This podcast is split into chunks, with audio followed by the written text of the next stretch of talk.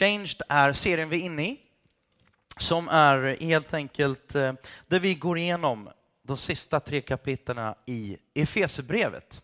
Och idag har vi kommit fram till sjätte kapitlet, då, vers 5-9, där det kort och gott står om eh, Ja, jag ska komma till det, men, men min, min, hur jag kommer att belysa det och det jag vill lyfta ut är helt enkelt hur beter vi oss och vad gör vi med våran tro på jobbet? Inte bara tron på jobbet, utan tron på jobbet. Det är lite så olika, man betonar det där. Men, men, men det är ändå så. Vi tillbringar åtta timmar varje vardag. Eh, en del kanske jobbar mer, en del kanske jobbar mindre. En del kanske studerar, och det är inte så att det exkluderar eh, dig som studerar, utan vad är det vi gör för någonting? Och eh, vi tror ju inte bara på att, att kyrkan i största allmänhet handlar om det som händer på söndagen och i synnerhet inte... Nej, men jag, skulle säga, vi United, vi, vi, vi är ganska tydliga med det. Att kyrka är mycket mer än bara det som händer på en söndag. Det är, det är lika viktigt. Sunday ain't just the only fun day, utan Monday är lika mycket fun day. Eh, hela veckan är så viktig. Och Någonting som vi har pratat om det är att inte separera våra liv in till eh, olika, allt för mycket boxar. Men här är jag, där har jag min tro och, och där är kyrkan och så har jag mitt jobb här och så har jag min familj här och så har jag mina fritidsintressen här. Vi tror att du lever bara ett liv. Vi tror på att ha någon slags helhetstänk och ett integrerat liv. Vi ska prata mer om det så. Men, men eh, jag tror också att Paulus, att det är det som, som eh, varför han lyfter upp det här då bland annat, ehm, är just därför. Det är så viktigt. Jag menar, naturligtvis, om det är så mycket tid vi spenderar, det kanske är en av de platserna i våra liv där vi spenderar absolut mest liksom, tid på, på, en och samma enskilda eh, plats. En del kanske spenderar lite mer tid i sängen än, än just på jobbet, men det är väl typ någonstans där. Jag vet inte hur mycket man sover, men en del, det är ju så att eh, Gud sover ju inte och en del försöker vara Gud, men det funkar inte så jättebra. Blir man sjuk. Eh, några som har testat det några gånger. Sådär. Men vi brukar också säga så här att alltså, som ett uttryck av det här så är ju inte kyrkan, det är inte, det är inte så här, kyrkan är inte arenan för ditt liv. Utan ditt liv, det är arenan för kyrkan. Det är inte i kyrkan man stänger in sig och så, så ska man leva sitt liv på något liksom märkligt, märkligt sätt där, där inne, utan snarare kyrkan består ju av våra liv. Kyrka, församling är ju ett bättre ord, det beskriver lite mer församlade, men alltså vi som tillsammans, vi tillsammans utgör kyrka, församlingen. Gud vill använda din vardag och således också ditt jobb. Jag tror inte att vi bara Alltså jag, jag kan ju titta tillbaka så på mitt eget liv och, och, och eh, det är ju inte så att jag har planerat allting. Jag har inte, det, det, de, några av de absolut bästa grejerna som har hänt mig har jag inte på det sättet planerat, och, och eh, utan till exempel att jag fick gifta mig med, med Linda, det hade hon planerat och inte jag. Till exempel. Och jag är väldigt tacksam, nej skämt åsido, eh, vi var ju två om det naturligtvis, men, men så, jag, jag kunde ju inte bestämma, utan det är en gåva med barn till exempel. Det är, det är inget man kan bara bestämma sig för. Utan jag anser på, på många olika plan att det, är en, att det är en otrolig gåva. Och på samma sätt så, så Självklart kan vi bestämma och det ligger liksom i, i naturligtvis mycket, mycket mer än de sakerna jag nämnde, men hur vi jobbar och vad. Men jag, jag skulle vilja säga att där vi är att Gud vill använda oss precis där vi är, just nu, just idag. Jag ska återkomma till det också, men jag tror allt för många av oss går och väntar på den där plötsligt händer det. Då, då kommer allting, när allt är perfekt, då kommer jag att vara generös, då kommer jag att lyckas med det här, då kommer alla att se, då... Och så lever man på hoppet som, som egentligen är inte mycket mer än en ballong så smäller man den så blir det ganska, det blir bara skräp kvar på golvet som man måste plocka upp sen. Men Jag tror Gud vill använda oss och han vill använda ditt yrke. Han vill använda din, din tid på universitetet, på skolan, för lite olika saker. Och, och, den första saken, det han alltid söker, och det här kan du tycka låter så här, what? Men han söker faktiskt, hans poäng med ditt och mitt liv, det är att han ska få ära. Att, och jag tror att det finns, det finns ett otro, en otrolig symbios däremellan. När vi ger honom ära så kommer vi att må väldigt bra och få allt eh, med honom. Någonstans i Bibeln, Matteus 6 och 33 för att vara närmare bestämd, så står det så här, sök först Guds rike och hans rättfärdighet, hans, hans bästa. Då kommer du få allt det andra också. Många av oss köper allt det andra också, helst, men inte det första kanske. Men det finns ett otroligt samspel och Gud vill att vi ska inte bara leva för oss själva. Jag ska återkomma till det. Det är faktiskt det bästa som kan hända dig och mig. Att du och jag, jag tror att alla fattar det. Man inte bara lever för sig själv, det blir väldigt smått. På, på, på min arbetsplats, eh, eftersom jag inte jobbar 100% i kyrkan. Jag, jobbar inte, jag har inget lönekuvert överhuvudtaget från kyrkan, men, men jag jobbar 100% vid sidan om kyrkan, kan man säga. Eh, och på vår arbetsplats så, så eh, nej men då, alltså det, det, är, det är liksom vedertaget. Och, och, ska man bli tagen på allvar, ja men då lever man Alltså man är seriös på jobbet, man gör ett bra jobb, man satsar hjärnet när man är där. Men man lever också för något större. Vi har talat mycket om värderingar. Flera andra, de, ja men, kanske inte delar min exakta övertygelse eller inte alls, men är engagerade i olika, The Hunger Project och allt vad det är för någonting, där man inte bara lever för sig själv utan man vill... Jag var på en, en, en eh, ett event som hette Årets VD här för två veckor sedan. Där, där, eh, ja, det var så, det var jätte... Det var amazing att få lyssna på Percy Barnevik, en av våra absolut största företagsledare i, ja, inte faktiskt bara i Sverige utan i stora delar av världen. Helt amazing. Och han berättar om det han gör nu. Han liksom, ah, men jag har alltid drömt att förändra världen och nu gör han det. Inte bara genom företagsvärlden, utan nu använder alla pengar han har tillförskott sig till att hjälpa folk genom alla möjliga saker, i, men speciellt i Afrika. Han, har, han och den här, jag kommer inte ihåg, Hand to Hand eller någonting heter den organisationen som han har startat, de har skapat ungefär en miljon nya jobb i Afrika. Hans dröm är, över de nästkommande tio åren ska han, vill vara med och skapa 50 miljoner nya jobb. I'm just saying. Vill du vara med och förändra världen, så lev för något större än dig själv. Är du med? Och i Guds värld, så bara lev för mig, så kommer jag använda dig och göra precis det som du var menad att göra. För om du lever för allt annat, även en sån grej som att skapa jobb för andra och så vidare. Om, det, om du bara gör det för att skapa och få bekräftelse av alla andra hela tiden så kan du göra massor gott. Men du kommer, kom, jag tror helt övertygad om att du kommer gå omkring med en oro, en ständig frustration och, och tomrum faktiskt.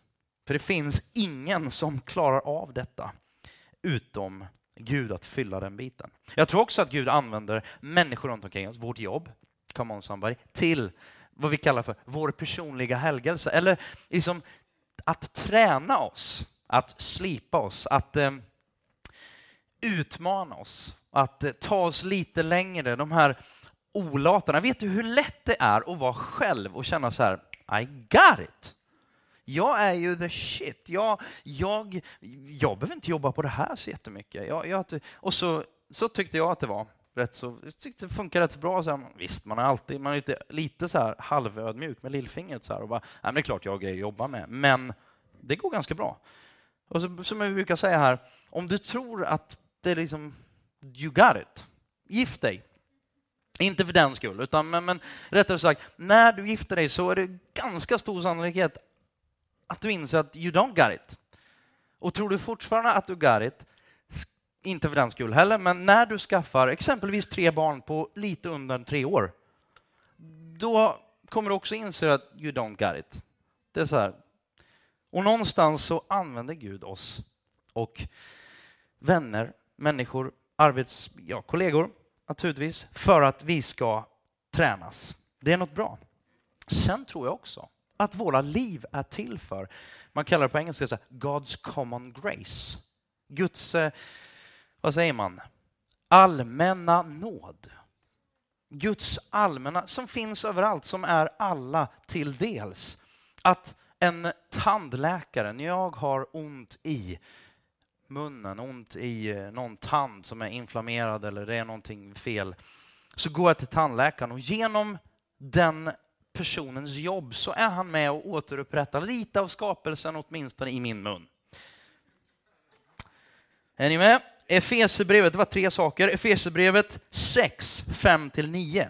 Och nu kommer det här liksom bara slå er i pannan lite grann så här, men helt okej. Okay. Ni slavar, lyd. Det är så här, oh, vilka jobbiga ord det här är i Sverige 2013. lyd era jordiska herrar. Alltså det är tre sjukt jobbiga. Slav, lyd, herre. Mm. Visa dem respekt. Lite bättre, men, men om, om slavar ligger liksom på, på jobbighetsnivå nummer ett, om det är liksom lägst, eller tio kanske då, eh, så ligger vi respekt. Och, ja, det, det, är så här, tvådelat. Jag vill ha respekt, men jag vill inte ge respekt. Det är det som är problemet. Jag söker respekt och, liksom, ja, respekt och vördnad av ett uppriktigt hjärta, så som ni lyder Kristus. Var inte ögontjänare som försöker ställa sig in hos människor, utan var Kristi slavar, som helhjärtat gör Guds vilja. Tjäna villigt som ni gör när ni tjänar Herren och inte människor. Ni vet ju att var och en som gör något gott ska få sin lön av Herren, vare sig han är fri eller slav eller fri. Och ni herrar handlar på samma sätt mot era slavar. Upphör med att hota. Ni vet att de har samma Herre i himlen som ni och han gör inte skillnad på människor. Punkt nummer ett, kontexten för texten. Ehm, alltså bara egentligen ganska så kort. Vi har talat om de senaste söndagarna här utifrån de här kapitlen och även i den här texten då. Han eh, vänder sig till den gamla hustavlan som den kallas, grekisk-romerska hushållets uppsättning och struktur. Det var väldigt tydligt. De kan, kunde ha eh, stora familjer, kanske farföräldrar, morföräldrar. Alla bodde i det här hushållet. Och det var ganska så här, ja men det behövdes, behövdes, behövdes. Men det fanns en väldigt tydlig familjestruktur. Och kort och gott kan man säga så här, Farsan Baloo bestämde rubbet. Och ingen annan tilltalades direkt i och med den hustavlan som var nedskriven faktiskt. Det var så på det grekisk-romerska, i det grekisk-romerska samhället. Och i det här samhället så talar Paulus rakt in i samhället och rakt in i de här existerande familjerna som levde under det här tydliga. Det var inte fruarna som bestämde. Vi gick igenom det och vi, hur vi ser på, på att, att eh, ursprungsidén är inte vad vi tror när man läser skapelsen, att Gud skapade en maktstruktur. Men det fanns det. Det fanns en maktstruktur, ehm, eh, liksom en, en, en, ja, en maktstruktur mellan kvinnor och män i den, i den settingen, i det samhället. Barn till exempel tilltalade man inte direkt utan de var liksom lite bihang så, lite ja, men egentligen ganska oviktiga, skulle bara göra som de blev tillsagda och, och mest hålla sig undan. Och sen då slavar. Och då tänker man ju direkt, eller jag tänker direkt så här, slav, då tänker jag på alla slavfilmer, de afroamerikanska slavarna som, som såldes från Afrika till ja, men liksom hela slavhandeln på 1700-1800-talet. Eller så kanske man dristar sig att tänka liksom, trälarna i Norden på 1000-talet och man ser någon smutsig i kedjor, eh, för lite kläder, för lite mat, för lite allting. Och det är, är liksom bilden av slav eller en, en träl. Och självklart så fanns det mycket hemskheter och grymheter. Och nummer ett vill jag, jag kommer återkomma och säga det många gånger, för jag hörde någon, någon faktiskt som sa till mig, liksom, Bibeln är helt crazy. Alltså man, Paulus tar ju upp och bejakar och bekräftar slaveriet. Det är helt galet. Och då säger jag, det är helt galet. Men läs Bibeln, snälla vän. För det gör han ju inte. Han istället, vi ska komma till det, men han utmanar hela den strukturen. Faktum är, till att börja med, bara genom att, att tala till slaven direkt så bara skjutsar han undan benen på, på mycket av de här maktstrukturerna. Eh, för att man tilltalade inte eh, slavarna direkt, inte barnen och inte kvinnorna heller. Men han bryter alla kodex som går genom att göra detta. Eh, men jag vill bara inte rättfärdiga slaveri på något sätt, men bara för att skapa en liten annan bild så att vi kan sen då som en grund att ta till oss detta lite bättre idag. Och eh, man kan säga så här, för det första fanns det i romarriket 60 miljoner slavar. Det var alltså en tredjedel av liksom, invånarna i romarriket. Ehm, de kallades faktiskt anställda tjänare och är förmodligen mer för att ge oss en bild. Anställda, ganska hårt hållna, men anställda tjänare. På engelskan säger man bond servants bland annat då. Och eh, det fanns även väldigt många slavar som, som gick under epitetet då freedmen. Alltså slavar som hade gjort sin tid. Man var alltså inte slav på, på, på livstid, utan tjänat pengar och sen kunde etablera sig själva då och kallades liksom freedmen. Eh, många gånger så kunde man inte se på en slav eh, Eh, att han att han var liksom någon slags lägre samhällsklass. Samma kläder som andra, hade, eh, om en kanske ynklig, så hade han ändå en, en lön. Eh, kanske till och med hade sitt eget boende, kanske inte ens bodde på samma plats som herren då, eller eh, arbetsgivaren för att använda vårt eh, liksom, mer, mer vokabulär. Och eh, det var naturligtvis inte sällan oerhört diskriminerande. Men det är ändå viktigt att, att eh, liksom, titta på skillnaden. Och varför är det här viktigt? Jo, man tänker så här att, att för det första, det Paulus säger är relevant och var aktuellt för egentligen alla i det, det, det grekisk-romerska eh, liksom, samhället. Därför att antingen var man en herre med tjänare eller så var man en tjänare med en herre. Eh, det var väldigt många som, som hade det så. Och eh, naturligtvis så bekräftar han inte slaveriet, utan på ett väldigt radikalt sätt talar in i samhället med den här strukturen. Då. Och eh, egentligen, vad är poängen? Man tänker så här i vår postmoderna kultur där, där liksom bara fight for your right och stå upp för dig själv. Och, eh, det, är det, som, det, det är det som är sann frihet, att alltid stå upp för sig själv. Paulus utmanare, och inte bara Paulus utan Jesus Kristus med sitt eget liv. Tänk på honom, han stod inte upp för sig själv och vann en seger större än någon annan seger ever. Hur, hur är detta möjligt då? Vad, vad, vad handlar det om? Egentligen så handlar det om att Paulus tes och hans poäng, det man läser då, det vi har lärt oss under våren bland annat, det här med att, att vara changed, att vara förändrad inifrån och ut. Vad innebär det? Vad handlar det om? Jo, det handlar om att i Kristus, i och med evangeliet, så är inte du, du, du, du låter inte längre bedömas av alla andra och alla andras åsikter är inte, eller samhälls, eh, liksom, hierarkin och allt det, det är inte det som sätter ditt värde. Utan ditt värde, din identitet är i något större. Come on somebody. Och faktum är, han, han går så långt och säger så här, faktum är att det största vad gäller frihet, det är inte att vara fri i, i, liksom utan herre eller varit slav och sen bli fri. Nej, det största är det att du är fri i Kristus, för då kan du till och med vara en fri slav. Någon sa så här, det är okej okay och det är inte bara okej, okay, utan det är möjligt att sitta i fängelse och vara fri så länge fängelset inte sitter i dig. Och vänder man på det, det är möjligt att inte vara fri även om man inte sitter i fängelse. Därför att du bär på ett fängelse.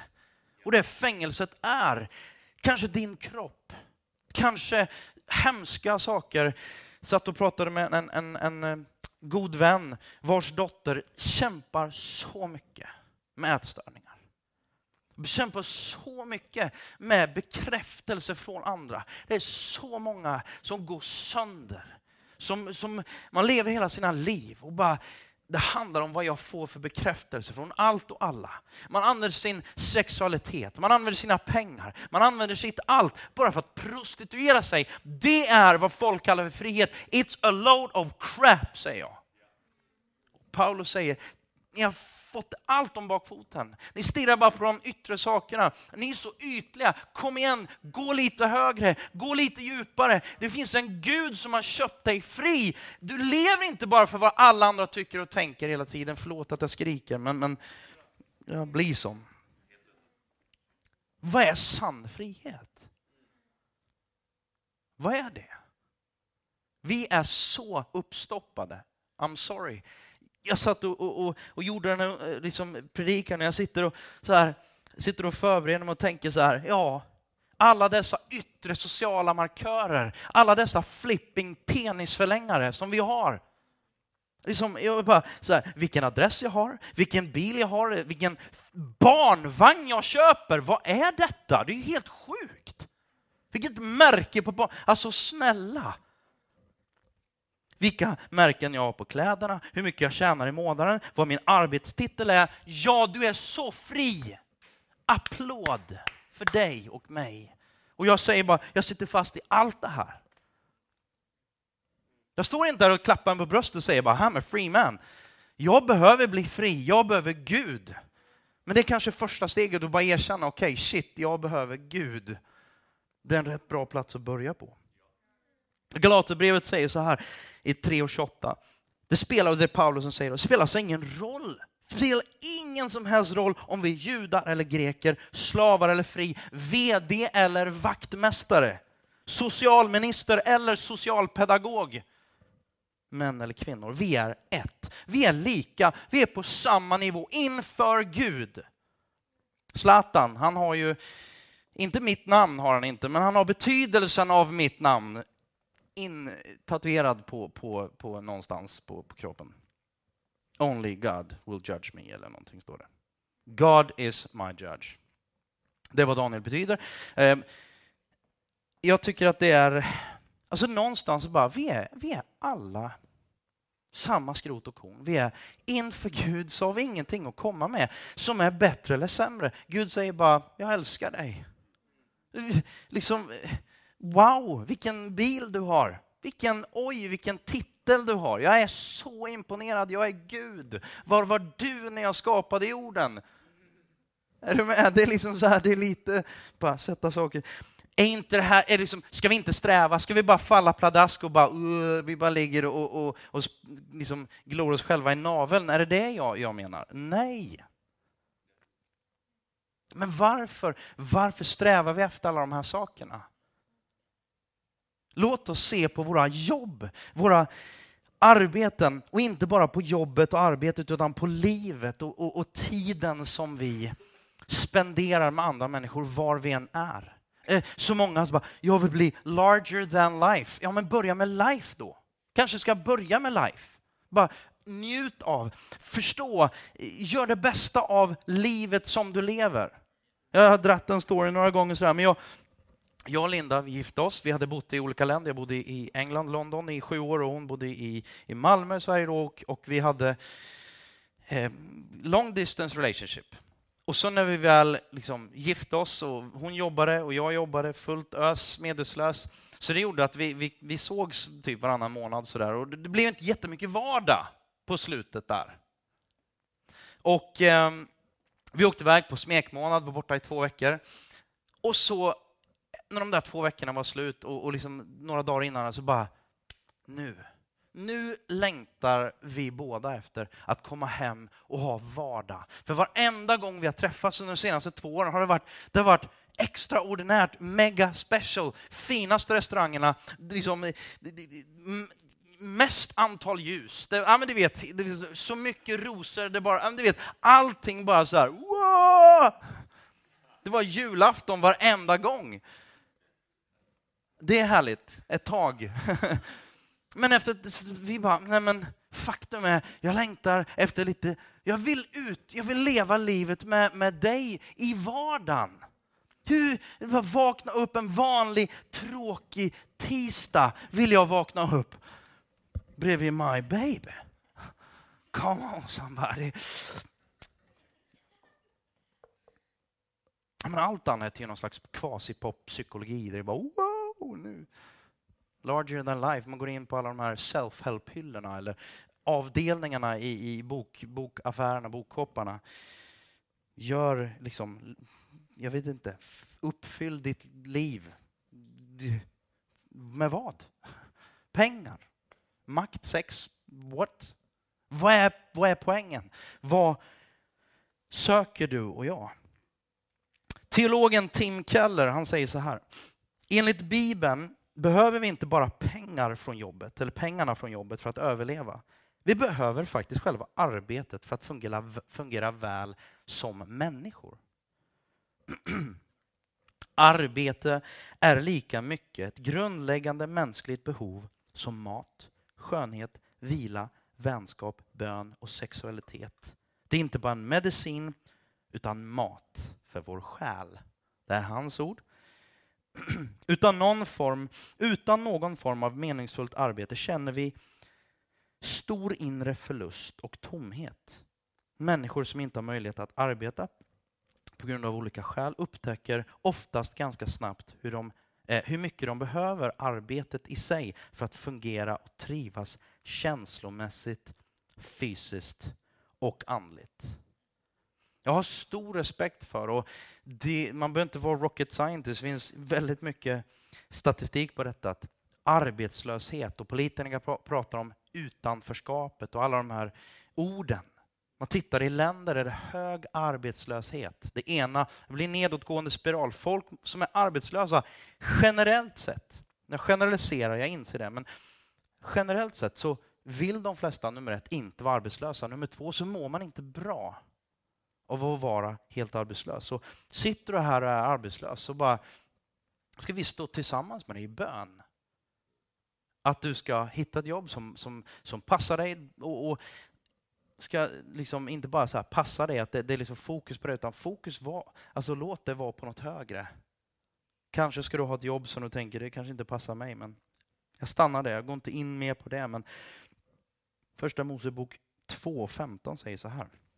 Herren Gud satte människan eh, och satte henne i Edens, lust, eh, Eden, Edens trädgård för att bruka och vårda den. Bruka och vårda den. Eh, tror att bara enkelt arbete och för oss att arbeta är en del av att vara en Guds skapelse. Efesierbrevet 4 och 1 går vi framåt lite grann här, då, men, men också titta lite i backspegeln där vi har kommit ifrån. Vi börjar hela den här serien med första versen då i kapitel 4, där det står Lev värdigt den kallelse ni har fått, du har fått. Jag tror att Gud har skapat var och en av oss. Bibeln undervisar, ska jag säga, vad jag tror och tycker är mindre intressant. Men vad Bibeln säger, Bibeln undervisar att ha en tanke med ditt liv. Bibeln undervisar att han, att han guidar och leder dig. Ibland vet vi om det, sällan vet vi om det skulle jag säga. Vi vet, det är lättare att se det efteråt, eller hur? Och så leder Gud på olika sätt. Tar oss igenom, inte alltid... Alltså, som, som jag har tre barn och det är klart att inte de får ju inte alltid det de vill. Tyvärr inte alltid det de behöver också heller, men, men, men som förälder så gör man så gott man kan. Och de vill äta glass varje dag och äta godis varje dag. Men de får bara äta glass och godis på lördagar, om inte Hampus sitter barnvakt.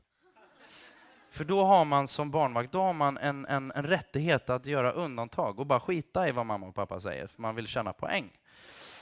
Mm. Men... Eh, ja, det är lätt. Så nu kommer jag ta upp några punkter här. Så nu varnar jag för en känsla av lite jobbighet sådär, men, men liksom det, det rejäla svenska, kanske lite du bara, nej men det här känns väldigt gammalmodigt. Är ni med? Det, alltså en del av det gammalmodiga är ändå fresh. Det var väldigt kul. Eh, definitionen, jag ska se om jag hittar det.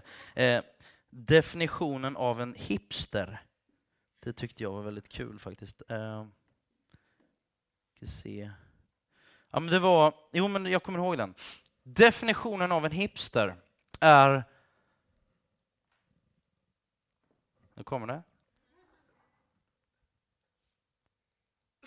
Han har kvar, eller har på sig, farfars gamla kläder. Men han har glömt farfars arbetsmoral. Det tyckte jag var rätt skönt sådär. Efesierbrevet 6 och 5, nu kommer det här då bara. Ni slavar, lyd era jordiska herrar. Och jag vet inte, om inte det där liksom träffar dig och, stör dig lite grann så, så är det något konstigt. Då har du nog inte lyssnat riktigt. Men så här, ni slavar. Men vi har gått igenom det och det vi skulle med enkelhet och med rätta faktiskt, om vi använder orden rakt in i det svenska samhället och, och den svenska familjen, den svenska familjetavlan eller hustavlan, då skulle det vara så här, ni arbetstagare, lyd era arbetsgivare. Så första poängen är lydnad. Säg lydnad. Det är så jobbigt. Så här. Jag, ska du vet, jag vill inte lyda någon. Jag vill lyda mig själv. Du ska inte komma och säga vad jag ska göra. Och, eller? Nej, sån är ju inte ni, naturligtvis. Det är bara någon annan. Men någonstans är det ändå så. Alltså vad är det Paulus pratar om? Ödmjukhet. Det är sånt där fint ord som alla känner så här, det skulle jag vilja vara. En del kanske till och med tycker att man är det. Vad är ödmjukhet? Ödmjukhet, jag brukar säga så här, att det är faktiskt inte att, att tänka mindre om sig själv eller eh, tro mindre på sig själv på det sättet. Det är bara det att man inte vare sig talar eller fokuserar riktigt lika mycket på sig själv. Tror, tror mycket om sig själv men, men liksom inte fokuserar och pratar så mycket, man fokuserar inte så mycket på mig själv. Men eh, jag tror att många växer upp med inställningen där, ja, man ska vara rädd. Alltså idag tycker jag att den, den, det finns styrkor och, och, och, och, och um, svagheter naturligtvis med varje generation och varje land, varje kultur. Men det som väldigt många yngre bär på idag, det är ju det här, du ska vara pretty glad att du har mig på jobbet. Du ska ge mig lön och jag ska ha mycket frihet att göra vad jag vill helst. Bara, hur går det ihop? Ingen, det, det, typ man pratar väldigt mycket om mina rättigheter, väldigt lite om mitt ansvar. Jag vill ha mycket frihet. Och så frihet under ansvar. Man pratar väldigt mycket om friheten, inte så mycket om ansvaret som arbetsgivare, och jag sitter i management så det är liksom jättekul att få anställa folk. Men ärligt talat, jag anställer inte folk som inte klarar av att ha frihet under just ansvar.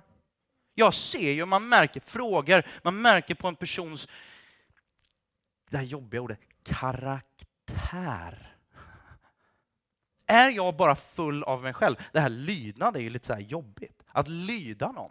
Men faktum är att om inte jag lyder våran VD, om inte jag lyder våran, liksom, vad ska man säga, vårat företagsmål, då har jag ju ingen, hur kan jag då förvänta, jag ska förvänta mig lön men jag vill göra min egen grej. grej. Jag bygger mitt eget lilla rike här borta och så vill jag ha lön för det. Jag har inget ansvar, men jag vill ha mycket frihet. Lydnad, det är inte sådär jättepop, poppis ord, men jag tror att vi har ju vuxit upp i i ett samhälle där vi har in, blivit intutade från början att ja, men vi är som snöflingorna, de är alla olika och unika och du är så unik så att det liksom, you're the, wow, det finns inget så bra som du och så går man omkring med den.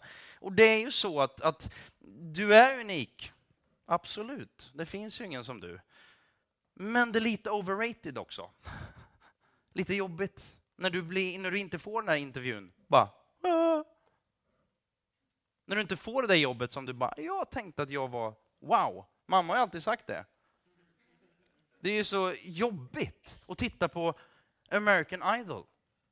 När det liksom bara, efter att de har blivit sågade med fotknölarna, inte förstår det fortfarande. Men mamma sa ju att jag var duktig på att sjunga.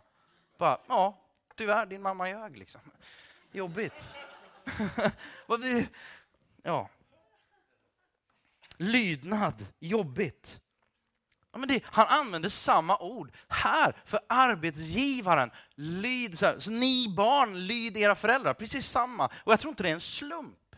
För någonstans är ju din arbetsgivare är ju ansvarig för liksom det, det man gör. Och det innebär att om jag, om jag bär ansvaret, om jag bär det yttersta ansvaret, då vill ju jag någonstans säkerställa att det är faktiskt det som vi har tänkt att göra, att det verkligen händer.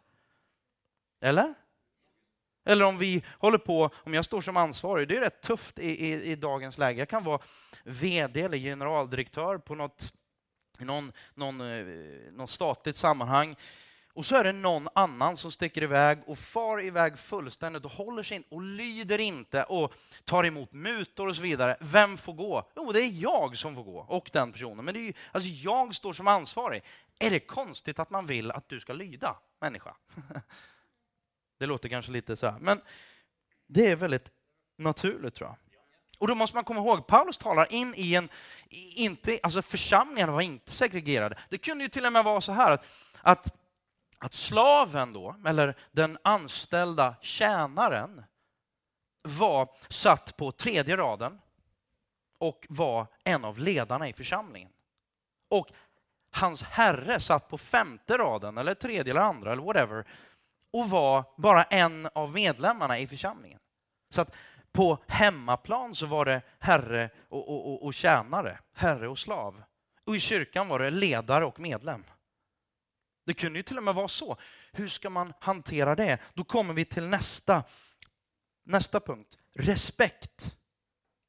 Efesierbrevet 6 och 5 visar dem respekt och vördnad. Du ska alltså visa dina ledare respekt och vördnad hedra strukturer, ordningar för att göra det lätt för din chef att leda dig. Come on somebody. Ja, det gör vi alltid. Vad jobbigt. Kan vi prata om något annat? Är det lätt att leda dig? Är det en glädje? Alltså, Paulus säger så här, ära Gud genom att göra det lätt för din chef att leda dig. What? I, när jag bodde i England då så var det väldigt kul. Om vi, vi går bort ifrån det här lite jobbiga ämnet här nu för en sekund och så tar vi lite luftficka. Så var det ändå så här att i min arbetsgivare då, det var väldigt, var jag och några till, så där som, det var rätt mycket skandinaver på, på staben. Och så var det så här, han var bara, det är så skönt med er skandinaver. Det var norrmän och svenskar, inga danskar. Jag vet inte varför. Men Nej, jag skojar. Men i alla fall, så var det, det var norrmän och svenskar. Och så var det så här, finns det några fler norrmän och, och, och svenskar som, som kan jobba? För att man kan lita på er. Självklart kan man lita på en massa andra folk, men det var så han sa, det förstår för honom. Men det var väldigt glatt i alla fall. Väldigt, man blev väldigt glad och stolt över att vara skandinav. När man hörde, han talade inte ner andra, han talade upp skandinaver. Det var väl trevligt? Trevligt att vi står för det. Han sa så här, ja men det är så skönt, för säger du att du ska göra någonting, lovar du att göra det här, då vet jag att du kommer att göra det. Du kommer att genomföra det innan du dör. Men som bara, yes, lite så här, mm. Ja men det är bra. Det gillar vi. Första Petrus brev. Ni slavar, underordna er era herrar. Då är det Petrus som skriver, inte Paulus längre, han skriver samma sak. Ni slavar, han går lite längre, han lite mer så här, trycker till. Underordna er era herrar och visa dem all respekt, inte bara de som är goda och milda, utan även de hårda. Mm. Jobbigt. Om någon vet, eh, som vet att Gud är med honom, håller ut när han får lida oskyldigt, så är det nåd från Gud. Vad är det för berömvärt när ni härdar ut att bli slagna när ni handlar orätt? Men om ni håller ut när ni får lida fast ni handlar, handlar rätt, då är det nåd från Gud. Detta har ni blivit kallade till. Kristus led ju i ert ställe och efterlämnade ett exempel åt er för att ni skulle följa i hans fotspår. Alltså så, bara för att, för att liksom lyfta upp någonting som är väldigt sådär osvenskt. Det handlar inte hela tiden om att stå på barrikaderna och säga hela tiden, det här tycker jag. Det här är fel, det här är... Det finns sin plats på det. Förespråkar jag någon slags tystnad och bara inrättelse i ledet, någon slags kommunism, Svar nej. Jag hoppas ni liksom eh, kan skilja. Eller, ja. Men någonstans att man faktiskt har någon slags grundrespekt och att det i sig faktiskt kan ära Gud. Och jag skulle säga som, alltså om du har en grundrespekt, då kommer du att bli respekterad. Vi är så snabba. Jag vill ha respekt. Barn till exempel. Du, du, du ska respektera mig. Ja, men respekterar du barnen? Respektera någon, till exempel ett barn, det är ju inte alltid att göra som de säger, utan att respektera deras person. lyssna, finnas där, allt det där. Men liksom, vad, vad, vi är så snabba. Jag vill ha din respekt. Jag vill, liksom, du respekt. Och sen det här med att bli kränkt då. Snälla, kära liksom alla svenskar. Detta med att bli kränkt. Återigen, om du har ditt värde i vem du är. Jag höll på att säga något dumt, men jag ska inte göra det. Eh, att, att eh, din sexualitet, så kan jag säga istället. Det låter lite bättre. Eller om, ja men liksom överhuvudtaget eh, din status, din titel, din, din, dina pengar. Alltså allt det där. Om någon börjar rubba lite på det här, eller till och med det här klassiska då. Ja men jag, jag, jag, tycker du, jag tror du har fel. Nej men oj. Då blir hela min värld raserad och jag blir kränkt. Men du snälla, alltså hur kan du bli kränkt av att jag inte tycker som du? Sen när blev det kränkande? Jag respekterar din åsikt fortfarande. Men jag tycker du, jag, jag är övertygad om att du har fel. I England så var det så skönt, där kan man säga så här, we agree to disagree. Skönt. Vi tycker inte, li, eh, vi tycker inte lika. Vi kom överens om att vi, vi skiljs åt, vi tycker olika. Och sen när var det något dåligt? Alltså jag, jag har inte fattat det fortfarande. Jag går omkring fortfarande och är helt förvånad över att de säger i toleransens namn så måste ni tycka som jag. What? Det är som Henry Ford sa, ja, jag tycker att eh, ni har en, en, demokratisk process här. Det är helt okej. Okay. Ni får välja färg på bilen så länge den är svart. Bara, what? Förstår inte jättemycket. Tre, uppriktighet. Och det här blir nog den sista punkten, för sen har tiden gått ett uppriktigt hjärta så som ni lyder Kristus. På engelskan står det, har de översatt det här ordet, det grekiska ordet i Nya Testamentet, de översatt med sincerity. Vilket är ett ganska spännande ord. Ehm, det kommer från två latinska ord som är sine sera. Det är without wax. Så här, what? Vad är det? Vad spelar det? Jo, på den här tiden så var det väldigt mycket, eh, alltså överhuvudtaget keramik var en stor business. Det var jätteviktigt. Det var ju som, som alltså man använde det för att, eh, ja, vaser, krukor, laga mat. Allting, det var väldigt viktigt. Det var en stor business. Och mm, följaktligen då, i en, en keramikställe, eh, verkstad, eh, fabrik, och man tappar någonting och det, det är någon crack i, i, i, i keramiken, man har den i ugnen och så, jag vet inte hur man gör exakt, men den kommer ut, så är det en spricka där. Då var det väldigt enkelt att ta vax. Så täckte man de här hålen, eller sprickorna, med vax och sen målar man över. Och det såg perfekt ut. Det var väldigt svårt att se eh, dessa sprickor då när man köpte, men efter ett tag, när du har använt det ett tag, när du har hettat upp det ett par gånger och, och när, du, när du hade det i solen eh, ett antal veckor, då syntes det, det blev fult, det sprack, det, det, var, det var inte äkta keramik rakt igenom. På samma sätt så, ja, så, så satte man i alla fall dit, då, precis som på, vi sätter på guld, någon stämpel, äkthetsstämpel, så satte man dit de här orden då, sine sera, som betyder utan vax, garanterar kvaliteten. Vi ska vara sinesera. Vi ska inte ha en massa vax, vi ska inte ha en massa fake-grejer i våra personligheter på jobbet. Vet du vad jag tänker? Jag tänker att en person med kompetens och allt det där, det behöver man ha. Men någon som är genuin någon som är uppriktig, någon som inte är en ögontjänare. Om vi, vi fortsätter liksom, ja, men ingen ögontjänare som försöker ställa sig in hos människor, utan var Kristi slavar som helhjärtat gör Guds vilja. Det är ju den personen som man vill premiera, som vill promota, som man, som man kan lita på. Är du någon att lita på? Den här personen som sitter vid sin dator och dricker kaffe och mumsar på godsaker. Och så kör Facebook. Och så kommer, kommer chefen whoop, snabbt över Excel-bladen och vad det nu är för någonting. Sitter man där och jobbar frenetiskt och så går chefen så bara skönt. Facebook upp igen och så kaffekoppen eller tekoppen. Människor som man har, eh, de har kommit på då har jobbat med lön utan en enda uppgift. Det var en man i Tyskland i 15 år Ingen har suttit i sin cubicle, liksom, bara suttit där framför sin dator i 15 år, lyft lön aldrig varit, nej men liksom bara, han har inte gjort någonting på 15 år. Jag är fascinerad, jag, det är helt omöjligt att må bra. Liksom i, det, är inte, det är inte sunt, men det finns ju folk till det mesta så. Paulus, han är väldigt konkret. Och det blir väldigt konkret. Bara, låt oss vara ärliga, låt oss lyda på ett sunt sätt. Jag förespråkar inget, inga konstigheter, utan bara respekt. Och det här ordet ödmjukhet. Du kanske inte, alltså, även om du är svensk, kanske du inte alltid vet bäst. Har du tänkt på det? Nej, det har ni inte riktigt tänkt på allihop. Men, men någon gång så kan det vara så att du inte alltid vet bäst. Du har inte hela bilden.